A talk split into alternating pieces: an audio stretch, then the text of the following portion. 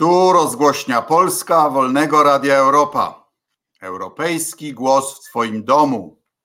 Dziś nadajemy z Chobilina i z Warszawy, czas pandemii. Nasz gość jest na kwarantannie. Zastanowimy się o tym, co sprawa mecenasa Giertycha mówi nam o prawie i sprawiedliwości w Polsce. A Państwa i moim gościem jest pan mecenas Jacek Dibuła. Witam serdecznie, panie mecenasie, witam Jacku. Witam, dzień dobry Państwu, dzień dobry Panie Ministrze, Panie Redaktorze. Nie wiem, którego tytułu dzisiaj używamy. Dla prostoty zawsze można ekscelencjo. Dobra, no jedziemy. Panie mecenasie, jest Pan mecenasem, adwokatem Romana Giertycha, także moim, ale zajmuje się Pan nie tylko prawem, bo ja widzę, że ja nie wiedziałem, że Pan pisze też thrillery prawnicze i to zarówno dla dorosłych, jak i dla dzieci. Ma pan bogaty dorobek literacki. No to czasem bezsenne noce powodują, że człowiek A. zamiast walczyć z poduszką zaczyna pisać. No i tak wyszło takich kilka literackich przygód.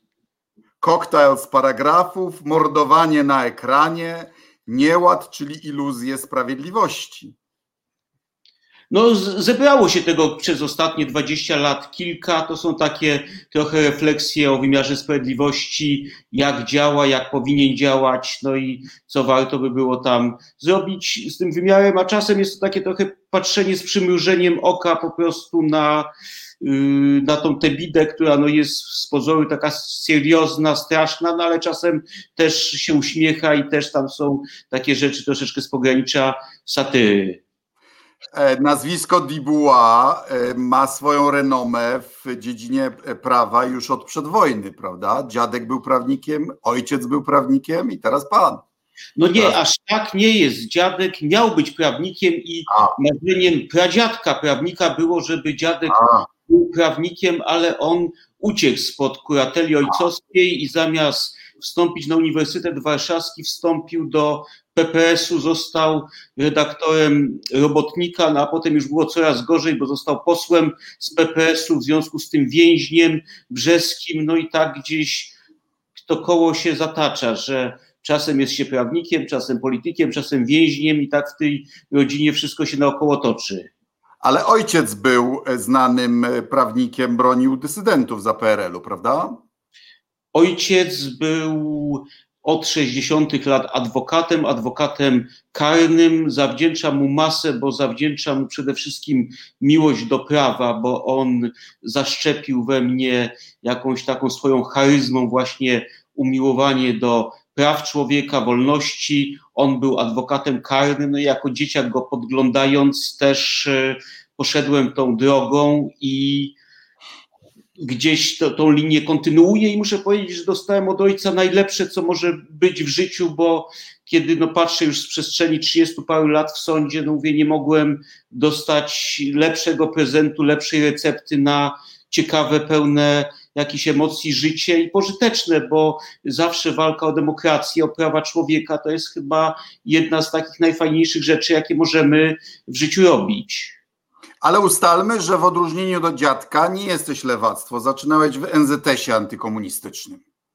No, NZS to było, że tak powiem, taki tygiel wszystkiego, no bo proszę pamiętać, że z jednej strony mieliśmy do czynienia z komuną, z drugiej strony mieliśmy do czynienia z wszystkimi, którzy z tą komuną chcieli walczyć. No i do tego NZS-u wczesnego na Uniwersytecie Warszawskim no, przystąpiliśmy wszyscy i endecy, i socjaliści, demokraci, liberałowie i y, byłem obok na przykład z Robertem Smoktunowiczem, który zupełnie mi poglądowo jak gdyby nie jest bliski, ale przyjaźniliśmy się i wspólnie jak gdyby no, walczyliśmy o pewne standardy prawa, także tam był przekrój ludzi, którzy rozeszli się w absolutnie różnych kierunkach i też no, byłem w pokoju na strajku z kolegami, którzy są w tej chwili po zupełnie innej stronie barykady, no bo jak pozbyliśmy się komuny, no to tak to jest w naszym kraju, że musimy sobie dalej skakać do gardeł i nie ma tak, żebyśmy w jakimś tam spokoju cieszyli się demokracją, tylko musimy sobie coś nawzajem zabierać i psuć. A przechodząc do tej sprawy, która budzi w tej chwili największe zainteresowanie opinii publicznej, zacznijmy od konkretu. Giertych ma postawione zarzuty, czy nie ma? E, czy ma, czy nie ma? To jest bardzo dobre pytanie, na które rozstrzygnie sąd. To znaczy, mm, przede wszystkim prawo nie jest tylko stwierdzeniem, że coś było, tylko to jest odbycie pewnych faktycznych czynności. Czyli przedstawienie zarzutu jest to działanie wobec osoby świadomej, która musi te zarzuty przyjąć do wiadomości, musi z nimi móc mieć intelektualną możliwość zapoznania się, a następnie ma prawo, bo nie ma obowiązku, ale ma prawo próbować te zarzuty odeprzeć. No i teraz, biorąc pod uwagę protokół przesłuchania yy, pana Romana Giertycha, gdzie yy, wszyscy obecni stwierdzają, że śpi i nie ma z nim najmniejszego kontaktu, no to yy, jak gdyby ten konieczna przyczyna nie została spełniona. I czyli, teraz... czyli co, można komuś próbować, ja mogę spać i rano się obudzić i się z mediów dowiedzieć, że mi po, po postawiono zarzuty, czy być... No, zdaniem prokuratury regionalnej w Poznaniu tak, także no, tworzymy pewne y, standardy na miarę Monty Pythona, na miarę rzeczywiście jakichś takich już nawet nie kawkowskich, bo Kawka by powiedział, że to przerasta jego y, jak gdyby zakres świadomości. No jesteśmy już takiej to komedii po prostu przykrej, aż to znaczy ja oczywiście się uśmiecham i robię dobrą minę do złej gry, tylko śmiać się można po pracy, a y, w pracy jesteśmy prawnikami, czyli gramy według reguł pewnych, według pewnych standardów. I nagle, jeżeli się. Sprawa w ogóle nie jest śmieszna, bo przecież to ludzkie losy e, wchodzą w grę, ale E, czy ci lekarze, którzy powiedzieli, że można z, e, z mecenasem Gertychem prowadzić czynności, czy oni w ogóle go zbadali osobiście? Bo jest z kolei neurolog, profesor neurologii, który go zbadał i który twierdzi, że nie było możliwości symulacji. To jak było naprawdę? No, było tak, że lekarze czekali, znaczy prokuratura poznańska zażądała dokumentów. Te dokumenty dotyczące stanu zdrowia w trakcie diagnostyki, bo to nie była pełna diagnostyka, tylko podkreślam, w trakcie diagnostyki, zostały przedstawione biegłym, którzy już jak gdyby w blokach startowych czekali, żeby umożliwić przesłuchanie pana mecenasa. No i Ale biegli byli przy, przy chorym, czy nie byli?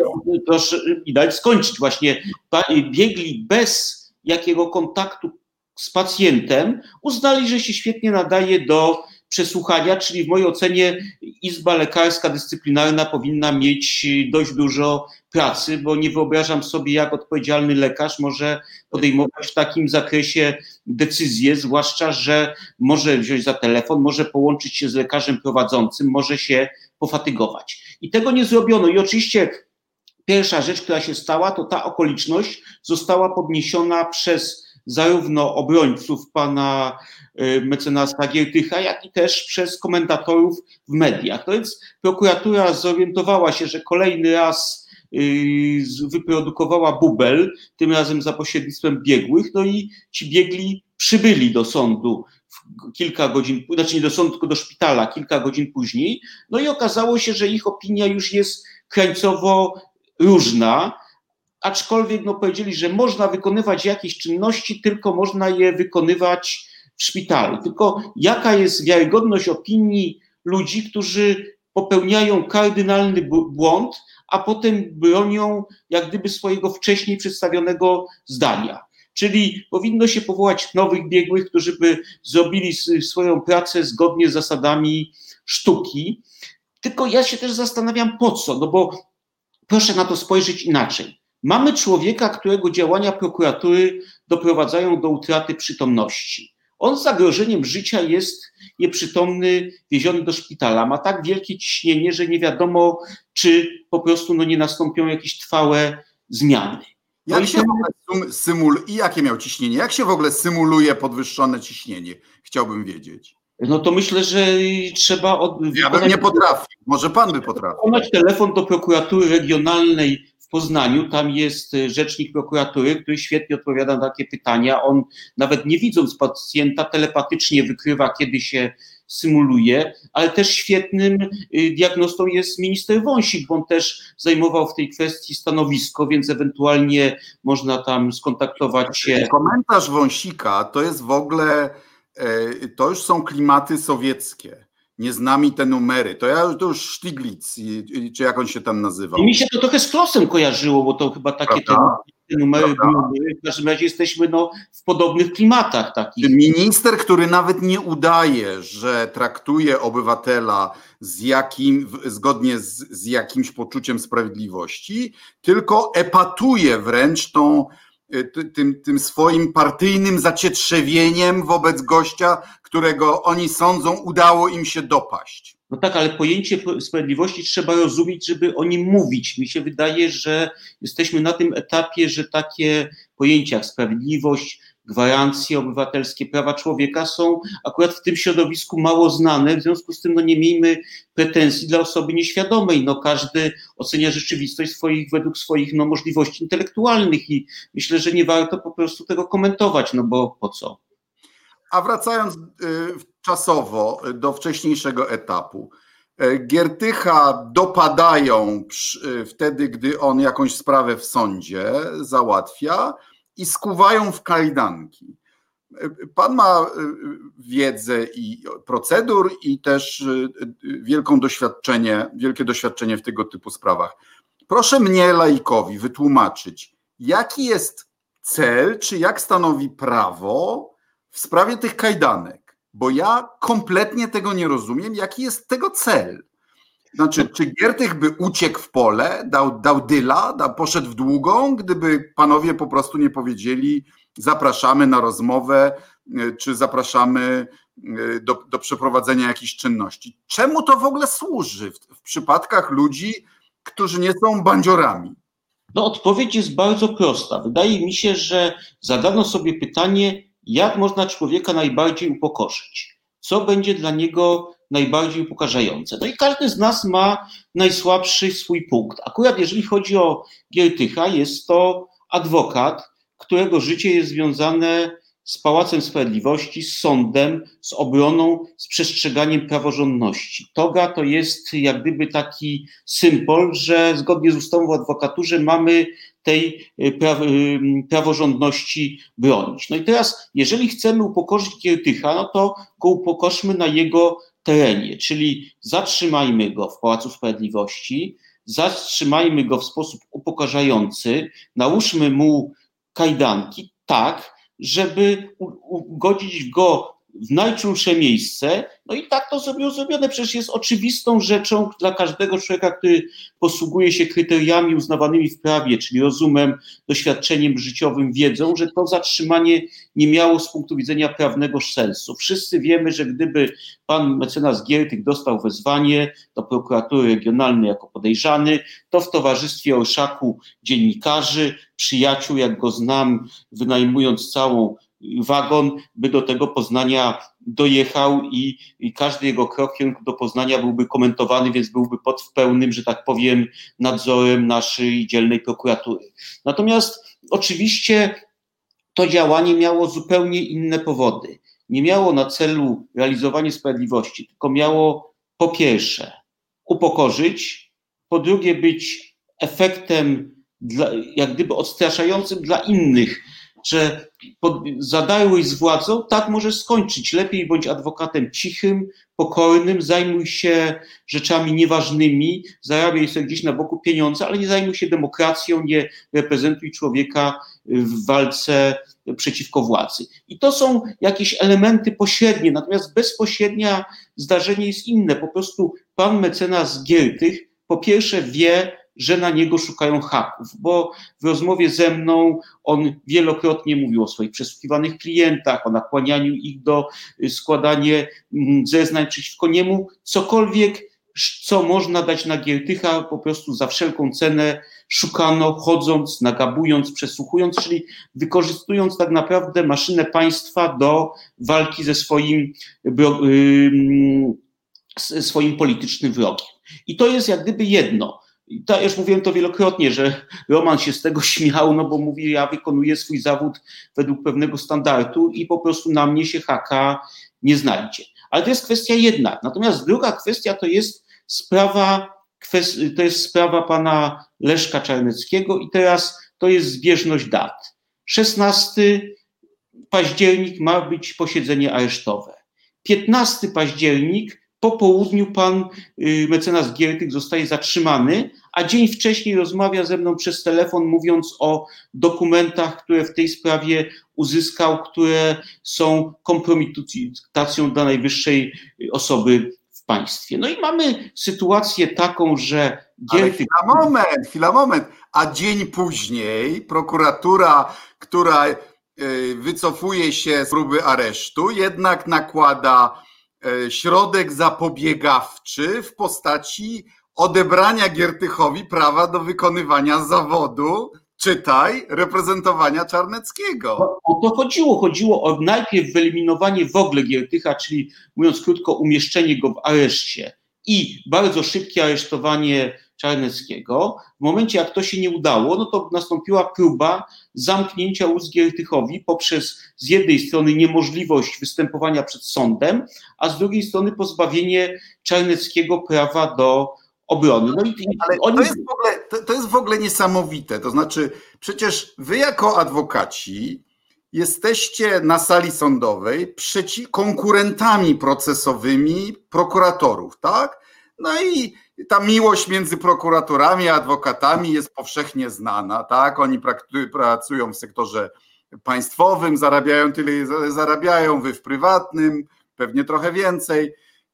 I teraz tak, prokurator swojego konkurenta może pozbawić e, e, możliwości wykonywania zawodu. Jak to jest? To jest to jeden z najbardziej pociesznych przepisów, gdzie od dłuższego czasu władze adwokatury jak gdyby starają się doprowadzić do zmiany, wskazując na niekonstytucyjność i absurdalność tego przepisu, no bo jesteśmy stronami i teraz nagle jedna ze stron sporu dostaje narzędzie eliminujemy. Ten mi się nie podoba. No to mniej więcej wyobraźmy sobie, że mamy mistrzostwa na olimpiadzie, jest rosyjski bokser, tam przychodzi trochę większy Kubańczyk, on mówi, tego dziękuję, dajcie następnego. No i tam za szóstym razem jakiegoś takiego małego, niespecjalnie przygotowanego przyprowadzają, on mówi, dobrze, będę walczył. No i to jest mniej więcej ta sama metoda, że postanowiono zostawić takich adwokatów, którzy no, będą jak gdyby nie stwarzali zagrożenia dla prokuratury. Czyli... To raz. To raz, ale mnie jeszcze dwa aspekty interesują. Po pierwsze, e, Giertych musi wpłacić jakąś wielomilionową kaucję, tak? I to są jakieś faktyczne pieniądze, które muszą wpłynąć na określone konto, a jednocześnie pozbawiamy go e, prawa wykonywania zawodu, na którym on no, zarabia te swoje pieniądze, prawda? A po drugie, jakie, w jakim sensie wyłączenie Giertycha z możliwości e, bycia adwokatem pomaga w prowadzeniu tej sprawy. Znaczy, co ma piernik do wiatraka? Znaczy, nie ma nic do wiatraka, ponieważ ta sprawa w ogóle nie istnieje. W tej sprawie sąd powiedział, że nie było jakichkolwiek podstaw do tego, żeby uznać, że popełniono przestępstwo. Czyli nie ma sprawy, jest tylko coś jak u tego dawnego filozofia Berkeleya, że coś się dzieje w głowie prokuratury, ale nie ma to żadnego odzwierciedlenia na rzeczywistość. I w swoim umyśle prokuratura stwierdziła, że jest jakaś sprawa, no i próbowała to przetransponować na zewnątrz, no ale świat to zweryfikował w ten sposób, że sędzia powiedziała, że żadnego czynu zabronionego nie popełniono. No i dochodzi... do, do meritum jeszcze chciałbym przejść, ale, ale jeszcze jeszcze nie skończyliśmy sprawy sposobu zatrzymania, bo czy mylę się, sądząc, że od początku powinien być w kancelarii i w domu, po pierwsze sam Giertych, a po drugie przedstawiciel Rady Adwokackiej, po to, żeby rozdzielać e, sprawy, które mogą dotyczyć e, zarzutów, od spraw klientów adwokata, tak? I tego przedstawiciela na początku, jak rozumiem, nie było. Tak, tylko tutaj dwa słowa wstępu, bo musimy sobie przypomnieć, co to znaczy tajemnica adwokacka. Tajemnica adwokacka to tajemnica jest... obrończa. Jaka jest różnica?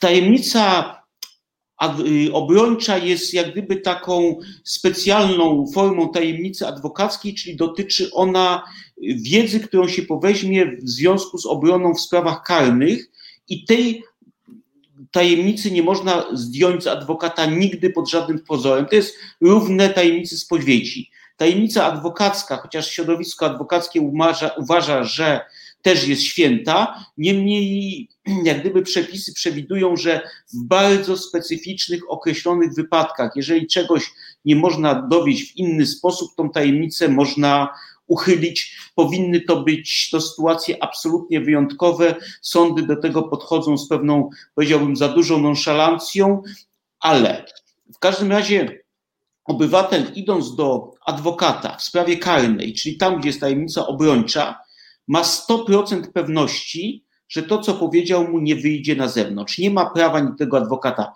podsłuchiwać, przesłuchiwać, żądać wydania tajemnicy klienta. No i teraz ta świętość no, była zwyczajowo szanowana, więc nawet jeżeli powiedzmy ktoś chciał zatrzymać adwokata, bo gdzieś tam zboczył ze słusznej ścieżki prawa, to wara było od jego dokumentów, wara było od tajemnicy klientowskiej. I w tej sprawie proszę zobaczyć, co się dzieje. Mamy adwokata, który jest adwokatem byłego premiera, byłego marszałka Sejmu, z którym mam zaszczyt rozmawiać w tej chwili, jest adwokatem paru posłów, jest adwokatem pana Bickfellnera, czyli ma szereg dokumentów, które teoretycznie by mogły uderzyć w te osoby, gdyby władza je posiadła. Oczywiście pan mecenas Giertych jest zbyt doświadczonym i modnym adwokatem, żeby swoich klientów narażać, no ale władza ma pokusę, żeby zobaczyć, a nuż na przykład jest jakaś notatka o Donaldzie Tusku, może jest jakieś na przykład oświadczenie pana marszałka Sikorskiego, no i wchodzi do tej... Giertych ma mój testament. Teraz o, może będą mogli sobie prze, przeglądać. No i można zobaczyć te wille w Pernambuco wszystkie tam ze zdjęciami, od razu zobaczyć za co to jest kupione, zrobić sprawę o pranie brudnych pieniędzy i tak dalej. No więc to jest... Może dokończmy kwestię adwokacką, bo o willę chcę właśnie zapytać. Dobrze, no więc y, idźmy dalej. Czyli tych pokus, jak gdyby ma władza bardzo dużo.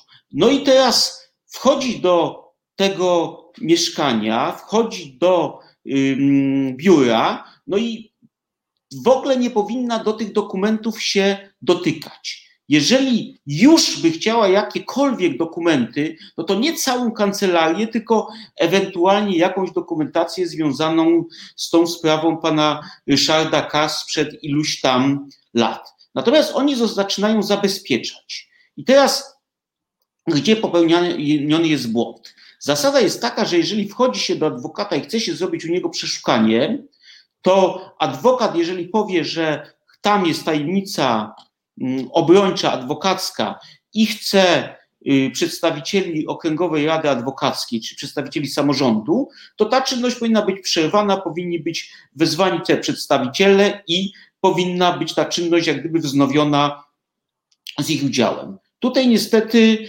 jak gdyby przystąpiono z tego, co wiem z przekazów medialnych, do tych czynności wcześniej. To jest kwestia pierwsza. Kwestia druga, pan to jest wszystko własność pana Giertycha. On jest dysponentem, adwokatem i on może wskazać, co jest tajemnicą adwokacką, co jest nie. W związku z tym przeszukiwanie jego biura, biura adwokackiego, które zawiera tajemnice bezwzględnie chronione, bez tego adwokata, było po prostu wyjątkowym skandalem i. A, a przeszukiwali jednocześnie jego dom, czyli Giertych nie miał możliwości bilokacji. No oczywiście, no i w tym momencie wchodzimy w sferę, która wchodzi w moje ograniczenia, znaczy inaczej. My cały czas do tej sprawy źle podchodzimy, bo my mówimy o sprawie Giertycha, natomiast gdyby sąd powiedział, że nie ma sprawy Giertycha, natomiast możemy rozmawiać o sprawie nadużycia prawa przez funkcjonariuszy, przez ściganie za pośrednictwem prokuratury zaczyty niepopełnione, próba stawiania zarzutów, próba postawienia zarzutów w taki sposób, zatrzymanie, przeszukanie, przecież to są wszystko elementy, które wskazują na to, że tak naprawdę to postępowanie powinno być związane z naruszeniem prawa.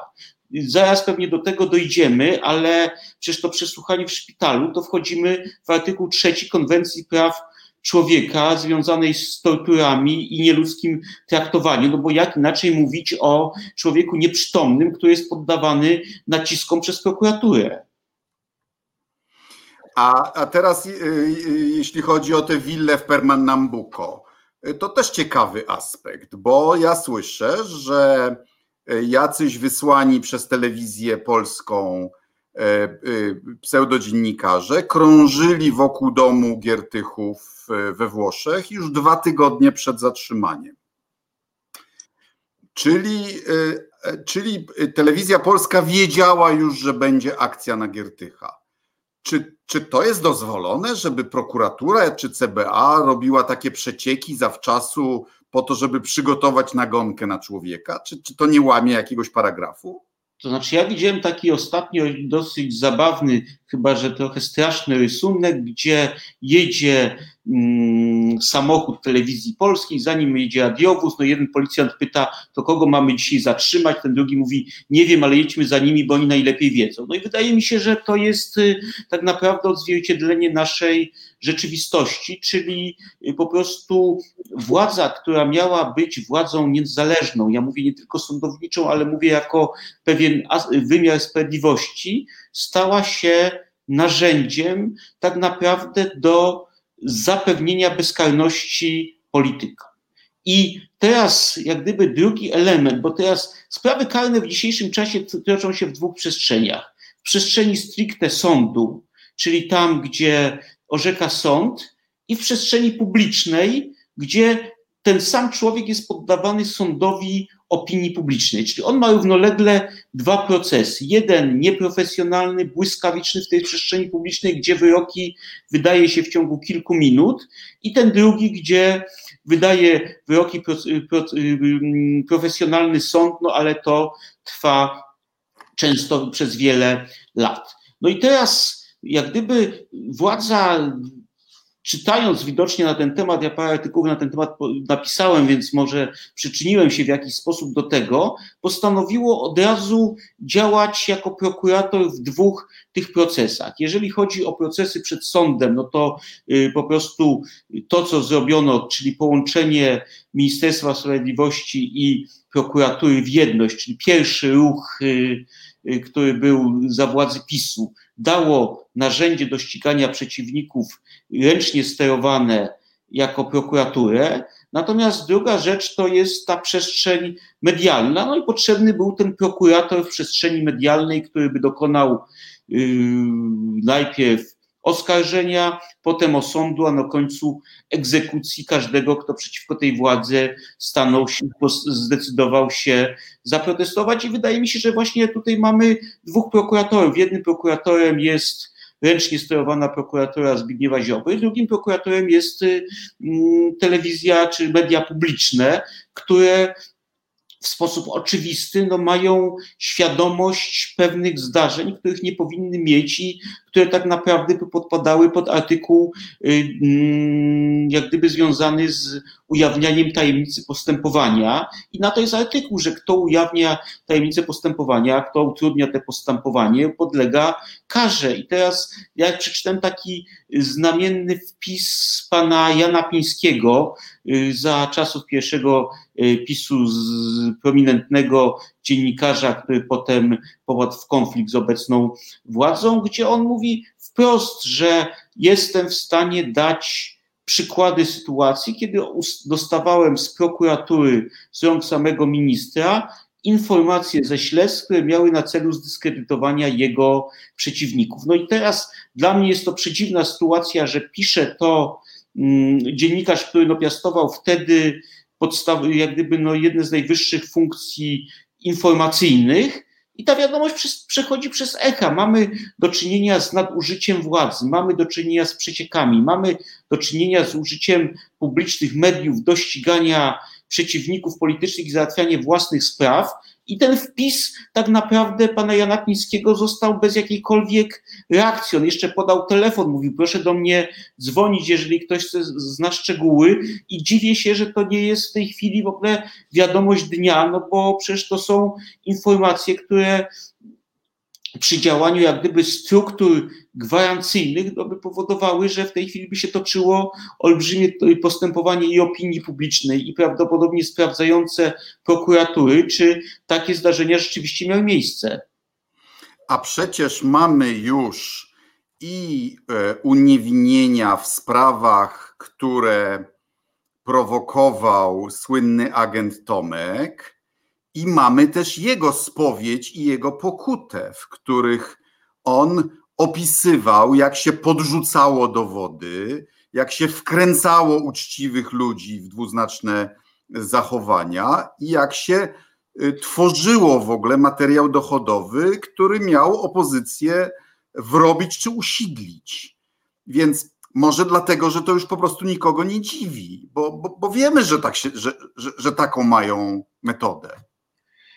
Tak, tylko mamy chyba za mało wyobraźni, bo nas to bawi, cieszy, jak gdzieś to oglądamy, kłótnie na ten temat, gadające głowy, które się ze sobą gdzieś tam spierają, tylko zapominamy o jednej rzeczy, że w pewnym momencie to może zacząć dotyczyć nie obcych, tylko nas samych, nas bliskich, naszych sąsiadów, przyjaciół. I to jest troszeczkę tak, że nie trzeba być politykiem z pierwszej strony gazety, żeby nagle paść ofiarą prowokacji. No, bo... To akurat wiemy, prawda? Sebastian K., y, który jechał Seicento, prawda?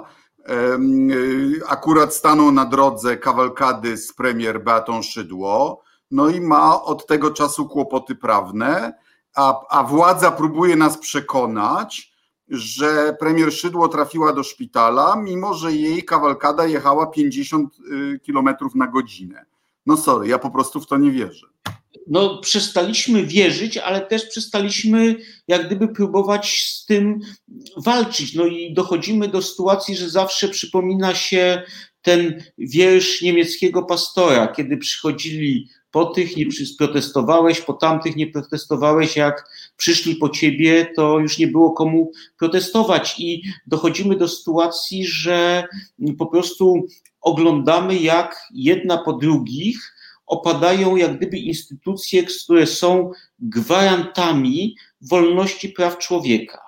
I teraz nawet jeżeli władza no, w jakiś sposób drastycznie tej swojej pozycji dominującej by nie nadużywała, to istnienie tych gwarancji czyni nas bezpiecznymi. Natomiast jeżeli te gwarancje odpadną, no to nagle jest pustka, prawda? No i proszę zobaczyć, za chwilę będziemy się żegnali z Rzecznikiem Praw Obywatelskich nikt nie chce nowego rzecznika, który by miał jakiekolwiek pojęcie o tym, co się y, w ramach tego stanowiska. Dobra, no chyba pan rozumie, że nie może być prawdziwego rzecznika praw obywatelskich, no bo w tym wypadku pani zastępca rzecznika pojechała do szpitala, obejrzała Giertycha i powiedziała, że absolutnie nie symulował. No jak można tolerować kogoś, kto kwestionuje jedynie słuszną i nieomylną linię partii i rządu? No tak, tylko mm, powoli dochodzimy do tego, że nie mamy trybunału, nie mamy za chwilę rzecznika, nie mamy adwokatów, bo takich adwokatów jak Roman Giertych się zatrzymuje. Jutro mamy sprawę sędziego Tulei o pozbawienie immunitetu. Przed chwilą um, immunitet straciła pani sędzia Morawiec. No i co nam zostaje? No, w tej chwili jest o tyle jeszcze sytuacja dobra, że rzeczywiście to, co napisał Roman Giertych, że są sądy w Poznaniu. Można dodać, że są sądy w Warszawie, no bo ta sprawa Leszka Czarneckiego też została odroczona tak, żeby zapewnić mu prawo do obrony. No tylko mm, jak gdyby tych instytucji gwarancyjnych jest coraz mniej. A co pan mecenas powie o takiej mojej hipotezie? Bo przecież zatrzymanie Giertycha nie jest pierwszym przypadkiem, w którym prawo karne jest używane w sposób budzący kontrowersje wobec polityka. Poprzednio mieliśmy Gawłowskiego i mieliśmy y, Nowaka i innych. Ja, jeśli chodzi o Gawłowskiego, to pierwotnym tym, tym koronnym zarzutem było to, że wziął jakieś dwa zegarki. Po czym się okazało, że tych zegarków nie dostał, że tam ta, ta, ta, ta teoria zegarka w jego wypadku upadła. Ale jak już weszli do niego, jak już y, zatrzymali znajomków czy współpracowników, no to potem znaleźli jakieś inne kwestie. W przypadku pana ministra Nowaka miał brać łapówki na Ukrainie. Z tego co ja słyszę, na Ukrainie nikomu za jakiekolwiek łapówki żadnych zarzutów nie postawiono. Ale się bierze człowieka, aresztuje się jego otoczenie i się czeka, który coś tam na niego powie. I czy tu nie może być podobnie, że najpierw bierzemy jakieś zarzuty, sąd to wyśmiewa, ale potem już mamy jego archiwum, mamy jego telefony, komputery i tak dalej, a nuż coś wpadnie. No ale to jest. Czy to nie jest troszeczkę odwrócenie no, takiego normalnego, normalnego trybu rzeczy?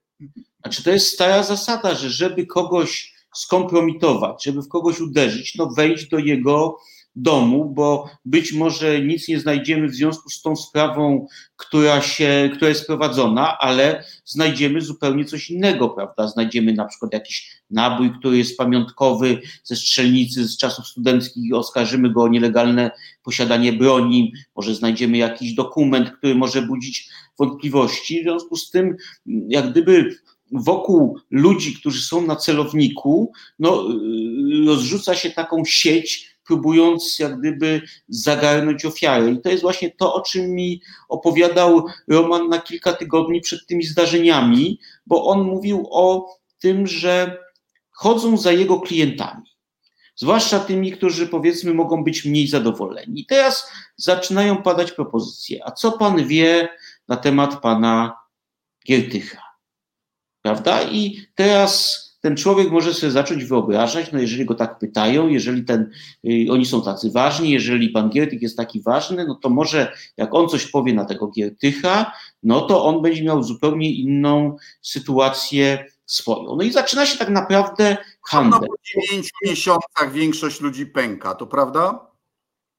Y, to znaczy ja myślę, że reguły nie ma, bo znam też historię, to już bardziej kabaretową, kiedy mój klient za wszelką cenę nie chciał opuścić więzienia, bo tak mu było tak dobrze i miał tam do zrealizowania pewne rzeczy, że siłą praktycznie został stamtąd wyciągnięty. No mówimy o pewnym opozycjoniście, który akurat pisał książkę i zbierał materiały wśród, że tak powiem, współaresztowanych, no i brakowało paru dni, żeby te materiały zebrać. Więc tutaj y, no, każdy to znosi mm, zupełnie inaczej. Także, tak... To nie oznacza, że dzisiaj tymczasowe aresztowanie jest de facto formą tortury stosowaną po to, żeby zmusić ludzi do powiedzenia czegoś, czego w innych warunkach by nie powiedzieli. W tym sensie pęka, że powie prawie wszystko, żeby wyjść.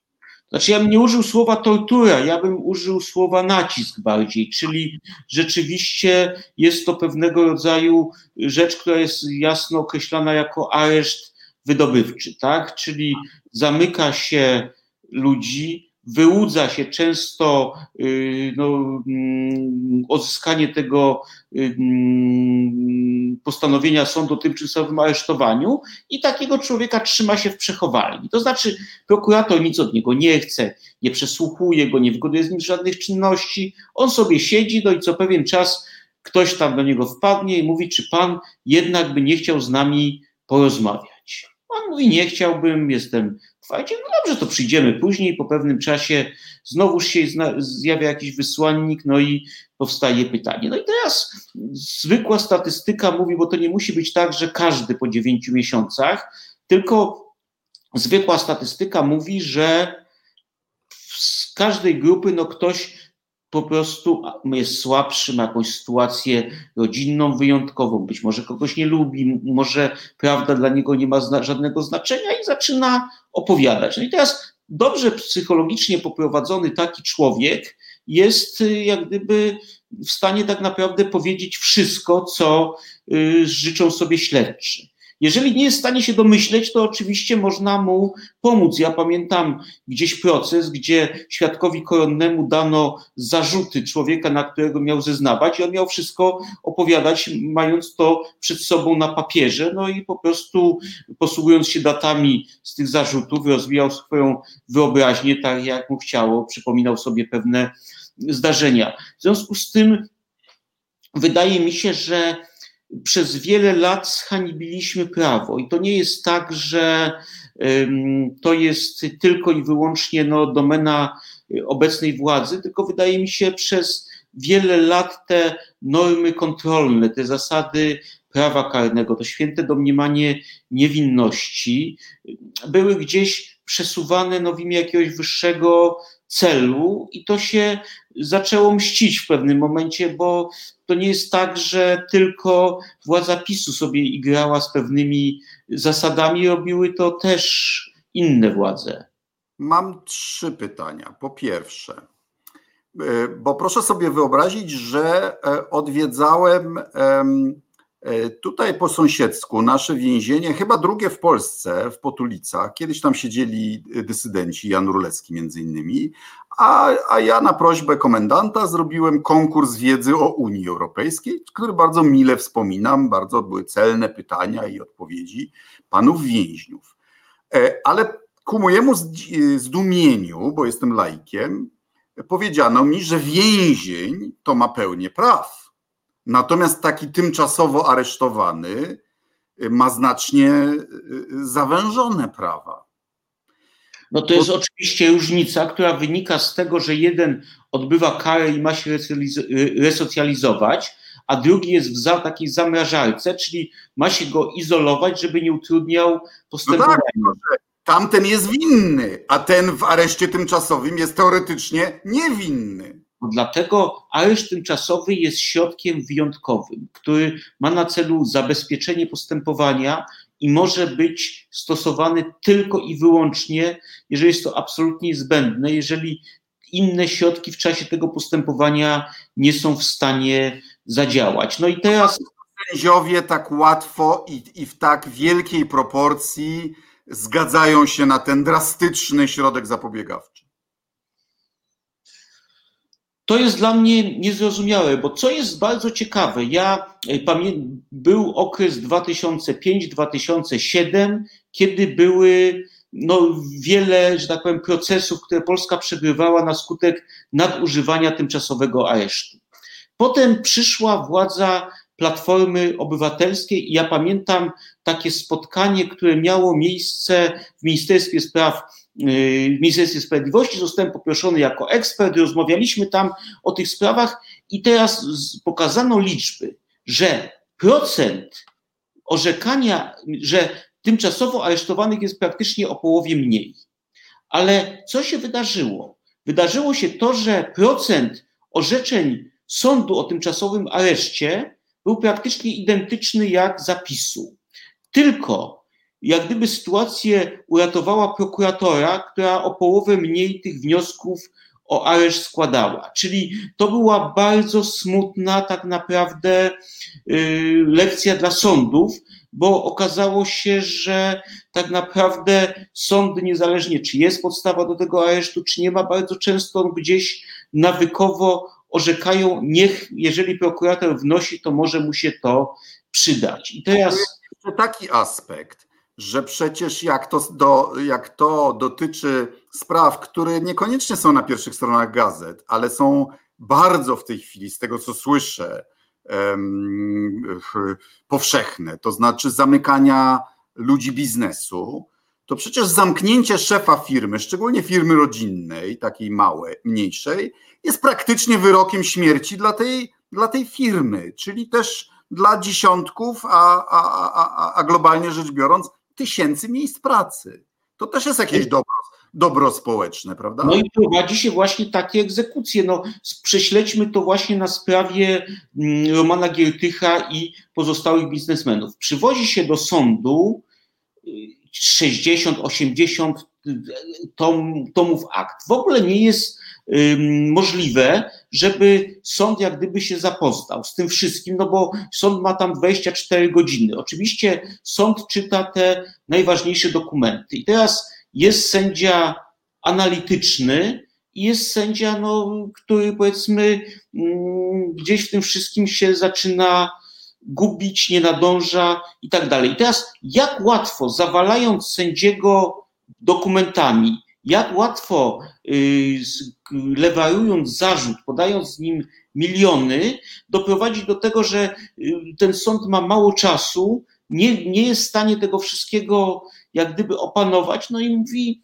ok, to lepiej zamknąć na wszelki wypadek, a potem ktoś będzie miał więcej czasu, żeby się zastanowić. I ja często, jak czytam te wnioski o areszt, to po prostu włosy stają dęba, bo często no, są teorie z pogranicza naprawdę już jakiejś baśni i ballady. Są y, nierzeczowości y, związane z materiałem dowodowym. Po prostu bardzo często jest próba manipulacji, że a nuż po prostu uznani zostaniemy za autorytet. Jeżeli my prokuratora mówimy, żeby kogoś zamknąć, to sąd po prostu to klepnie. No bo to niestety wynika ze statystyki. Natomiast jak klepnie, no to w tym momencie zaczynamy proces wydobywczy, areszt wydobywczy, no i zaczynamy tego pana nakłaniać, żeby nam pomógł. Jak on pomoże nam, no to my mm, pomożemy jemu.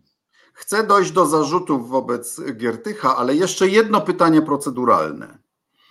E, jak to z Pańskiego e, oglądu w tej chwili tej rzeczywistości i praktyki prawnej wynika? Bo spotkałem się z opinią, że w tej chwili bardzo często zatrzymuje się ludzi, szczególnie niewygodnych dla władzy, w czwartki. A mianowicie po to, żeby gość skruszał przez noc, w piątek mu się stawia zarzuty, a w weekend już są nie zwykli sędzie, sędziowie, tylko tak zwani dyżurni, których sposób wyboru jest owiany tajemnicą, ale niektórzy podejrzewają, że władza ma jakiś wpływ na dobór tych sędziów ze wszelkimi tego konsekwencjami. Co pan na to? No, wydaje mi się, że jak gdyby no, tajemnicą Policzynela jest, że często prokurator po prostu też dzwoni i dowiaduje się, kto kiedy ma dyżur, żeby trafić na tego mm, sędziego, no, który powiedzmy, ja nie chcę użyć słowa przychylny, tylko który powiedzmy no, mniej ma tą taką y, gdzieś uruchomioną funkcję bycia strażnikiem sprawiedliwości i ma wbitą do głowy zasadę, że mm, jednak y, mm, wolność jest największym dobrem człowieka, że rzeczywiście pozbawienie tej wolności może być tylko i wyłącznie w sytuacjach absolutnie wyjątkowych, kiedy nic innego nie można zrobić, kiedy inaczej tego człowieka nie można jak gdyby spowodować, żeby nie zagrażał państwu. No i teraz dochodzimy do sytuacji często kuriozalnych, że w jakichś takich sprawach no, zupełnie starych, nie nadających się, znaczy oczywiście, które muszą być osądzone, ci ludzie są zatrzymywani. Po co? Dlaczego? No i często galimatiasy intelektualne orzeczeń jak sąd mówi o obawie matactwa, która jest w jakikolwiek sposób nieuprawdopodobniona, na przykład, no to mm, jest to równoznaczne z domniemaniem winy. I wydaje mi się, że trzeba, trzeba no, gdzieś tym wymiarem sprawiedliwości wstrząsnąć i tak było po 2007 roku, że ten wymiar sprawiedliwości się cudownie ucywilizował, że naprawdę ta nasza um, ocena gremiach międzynarodowych była bardzo dobra i gdzieś te standardy właśnie orzekania były coraz lepsze, zwłaszcza w prokuraturze, gdzie właśnie prokuratura nie występowała z takimi bzdurnymi wnioskami o areszt i y, tam mówię, bardziej nawet gorsze były te statystyki sędziowskie. No i to wszystko się gdzieś popsuło, ale oczywiście y, są wspaniali sędziowie, no bo y, trudno powiedzmy nazywać panią mm, sędzię poznańską sędzią opozycyjną, no bo jest to jak gdyby sędzia niezwiązany z żadną opcją, po prostu godnie, rzeczowo wykonujący swój zawód i szapoba przed nią, że zmierzyła się z tymi dowodami, że oceniła je merytorycznie i ona zrobiła coś niezmiernie rzadkiego, bo na ogół sądy mówią tak, jeżeli mm, nawet nie aresztują, to mówią tak, no nie zachodzi obawa matactwa, co prawda jest prawdopodobieństwo, że ktoś się tego czynu dopuścił, ale no nie musimy go od razu aresztować. A ta sędzia po prostu zrobiła rzecz niesamowitą, bo ona przeanalizowała te wszystkie dowody i powiedziała, w tej sprawie nie ma w ogóle jakichkolwiek przesłanek, żeby mówić, że popełniono przestępstwo, więc ona stwierdziła... No to, zatrzymaj, zatrzymajmy się, bo, bo mnie rzeczywiście też zdumiało, bo no, mówimy o um, transakcjach pomiędzy prywatnymi spółkami. Jedna zupełnie prywatna, a druga giełdowa, czyli w tym sensie publiczna, ale, ale z prywatnymi akcjonariuszami. Potem tam na jakimś późniejszym etapie e, i, i, państwowe jakieś spółki też e, zainwestowały w tą giełdową spółkę. I teraz e, sędzina zwróciła uwagę, że są dwa elementy tych, tych rzekomych przestępstw, tak? Wierzytelności i działka. I że skoro zarząd tej prywatnej spółki, tej giełdowej, oświadczył, że nikt na niego nie wpływał i, i, i nie naciskał, i że kupili tą działkę po cenie zgodnej z operatem, czyli po jej wartości giełdowej, to na czym ma polegać przestępstwo? E, no, przestępstwo ma polegać, zdaniem prokuratury, na tym, że ta cena była za niska, że można było wynegocjować więcej. W związku z tym. moment, ale no to, to już jest kwestia y, y, poczucia konkurencyjności i, i, i opinii i decyzji tego za, zarządu. Ale co? Prokuratura po, y, może powiedzieć zarządowi, kupiliście zgodnie z operatem, ale przepłaciliście i to jest przestępstwo? Czy nie? Tak, bo na tym polega piękno tego przepisu, że prokuratura może wejść do każdego przedsiębiorcy, przetrzepać jego dokumenty i powiedzieć: działałeś na szkodę spółki, której jesteś stuprocentowym właścicielem. Nikt nie jest twoim dłużnikiem. Nie, chwila, moment, tu jest spółka giełdowa, więc... Nie, ale ja mówię już takim bardziej kręcowym przykładem. Prawda? przykłady. Czyli można teoretycznie wejść do człowieka, który ma jednoosobową spółkę, która to spółka nie ma żadnych długów, nie ma wierzycieli, nie ma zobowiązań do skarbu państwa, przetrzepać i powiedzieć, mimo że zarobiłeś 100 milionów na tej transakcji, to kupiłeś za drogo ten samochód, tu jest działanie niegospodarne i za to stawiamy ci zarzut. No i mm, stworzono przepis, który jest po prostu bombą zegarową, na podstawie którego można tak naprawdę y, zdetonować każdego przedsiębiorcę. No i to i on uniemożliwia podejmowanie ryzyka biznesowego, tak? No w dużym stopniu, znaczy przede wszystkim na przykład mm, jest wielki problem z transakcjami wewnątrzgrupowymi, bo prawo polskie zakłada, że każda spółka jest osobnym bytem i teraz nie ma no też Krause, Krause był prywatnym właścicielem jednej spółki i jakimś tam kontrolującym właścicielem tej giełdowej, tak?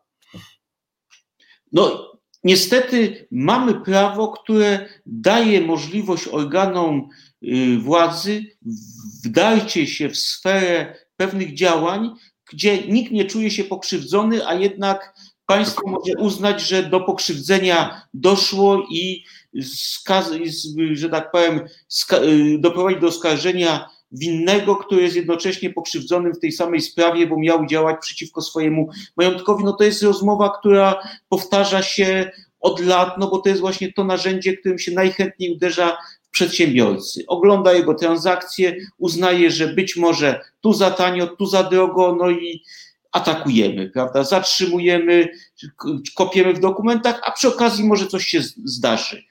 Przepraszam, przypominam o naszej umowie, że mieliśmy o 17.20 kończyć. A, y, ja źle zapamiętałem. Y, wobec tego kończymy. Bardzo serdecznie dziękuję, panie mecenasie. Proszę wracać do swoich obowiązków. Dziękuję. Y, dziękuję za rozmowę i życzę też pełnego powrotu do zdrowia. Kłaniam się. Do zobaczenia. Dziękuję to To była rozgłośnia Polska, Wolnego Radia Europa, Europejski Głos w Twoim domu. Proszę o udostępnianie, szerowanie. Zapraszam na kolejny odcinek. Do widzenia.